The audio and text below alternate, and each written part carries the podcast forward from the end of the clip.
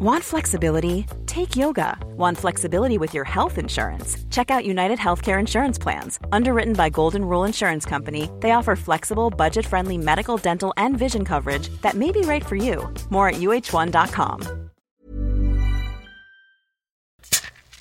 Vi närmar oss eh, verkligen slutskedet på den eh, internationella klubblagssäsongen och eh, då kanske ni tänker Heineken alkoholfri, vad gör de nu? Det är Champions League-final, går de in i en liten dvala här nu? Nej, men nu är det ju tiden för Heineken 00 sannoliken att knäppa upp en iskall och sitta och mysa i eh, hammocken eller på altanen eller var man nu vill sitta.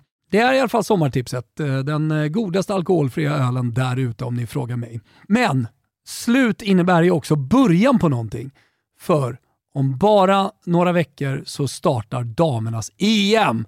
Jajamensan, och på vår Instagram och tillsammans med Toto5 så kommer vi ha en eh, megatävling och jag kan väl avslöja att det kommer innehålla resa, det kommer innehålla vippiga inslag.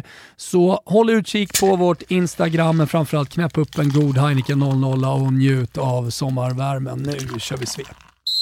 Är man i mitten av maj så är det klart att de högintressanta holmgångarna finns att hitta mest överallt. Klart att det spelas en hel del avslagen fotboll mellan lag som bara längtar efter havet, efter Fort Village eller den traditionsenliga bröllop och svensexa Forte Village. Eller den traditionsenliga bröllop och svensexa säsongen som nu drar igång, inte minst för våra svenska utlandsproffs som både ska gifta sig, leka av sig och eh, supa på eh, under två intensiva veckor innan försäsongen kallar. Så låt oss därför bara svepa matcher av betydelse från helgen som varit. Come on! För eh, vi börjar i England där Liverpool bockade av ännu en titel, den här gången FA-cupen, när man ännu en gång besegrade Chelsea efter straffar på Wembley. Trent Alexander-Arnold och Luis Diaz stod för kvaliteten, men oj vad tröttkört det såg ut mot slutet. Dessutom Mohamed Salah ut skadad, van Dijk av efter 90, Fabinho i sjukstugan. Det är klart att Real Madrids fyschef Antonio Pintus fjuttade igång en cigarr nere i Spanien.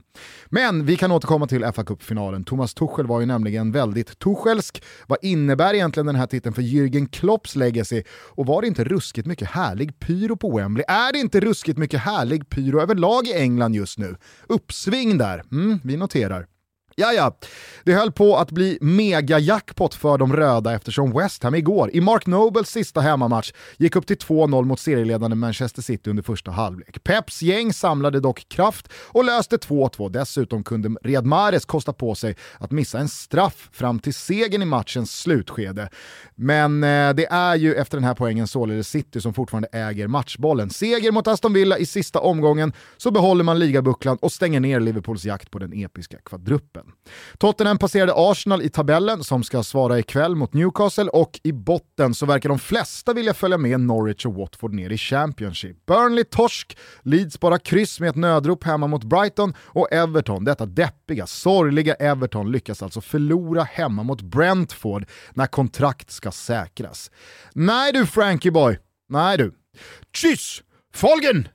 För i eh, lördags så gick Bundesliga i mål. Erling Haaland gjorde ett sista mål för Dortmund innan han gick ut på klubb iförd sin egen träningsoverall. Union Berlin och Freiburg spelar Europa League nästa säsong och i botten så gjorde Stuttgarts Vattaro Endo 2-1 på tilläggstid mot Köln och löste i och med det nytt kontrakt. Hertha Berlin får istället kvala och det mot de...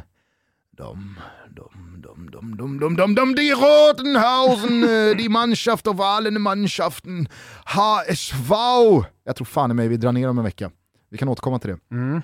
Allez! Vidare till eh, fransken där Saint-Étienne gör bordet sällskap i nästa säsongs Ligue 2.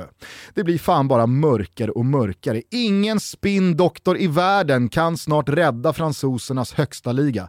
Snart är det bara Metz och Brest, och Angers och Lorient och Lens och Rennes och Troyes och äh, fy fan!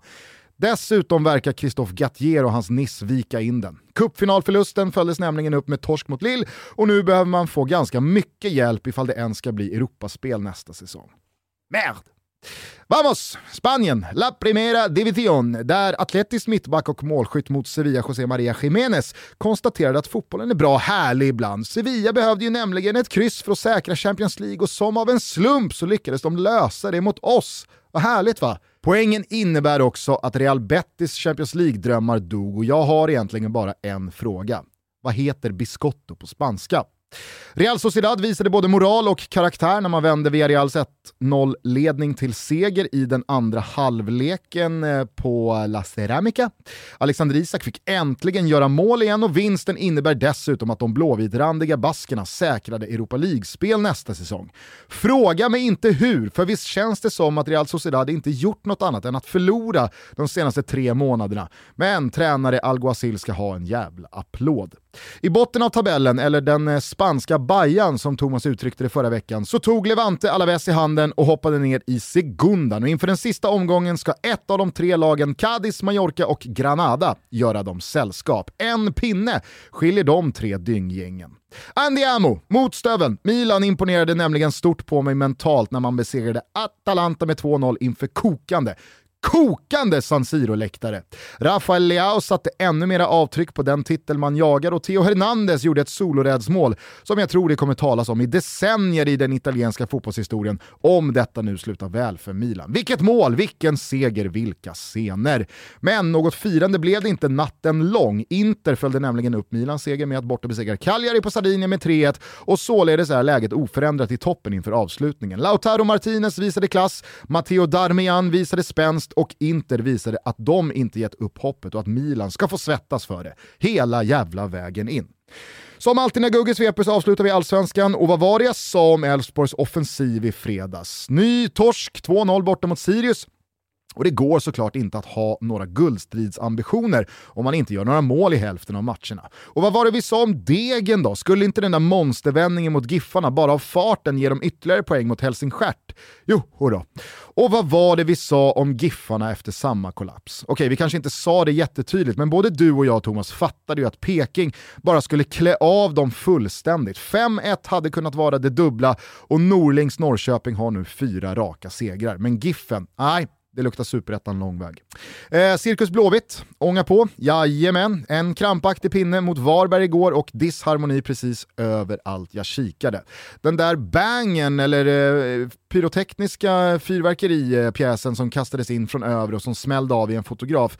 Nej, usch. Jag börjar faktiskt bli ruskigt less på den här repiga Blåvitt-skivan nu. Jag pallar inte se dem så här mer. Värnamo tog ner Mjällby på jorden och eh, Alexander Jeremejeff gör mål på allt för dagen i det Häcken som mot alla odds, experter och lustigkurrar ångar på i toppen. Och vad händer egentligen när Per-Mattias Högmo fattar att man alltid är ett bättre lag med inrikeskorrespondent Erik Friberg på plan från start? men då kan det här bära långt. Vi avslutar på Tele2 där det efter 3-3 fanns en hel del förlorare, men Darjan Bojanic, Bodo Janusovic, Astrid Selmani och i viss mån då Bayern som tappade två ledningar i den andra halvleken får ursäkta. Kristoffer Karlsson och hans domarteam stod i en klass för sig igår. För även fast jag är den största VAR-motståndare vi kan uppbringa i det här landet så insåg även jag igår att det här aldrig kommer funka. Det kanske inte kommer sluta med VAR eller den budgetlösning vi i Sverige kikat på, men vi nådde någon slags point of no return igår. Domarna är för ofta för svaga och för många på för många läktare skriker allt för högt om hur jävla usla de är. För många spelare och ledare antyder för liknande åsikter och vi i media har en tendens att fokusera för mycket på för många domslut. Nej, det är för mycket som talar för att vi nått ett läge som bara är för ledsamt att konstatera. Pepsi, fan, säg något.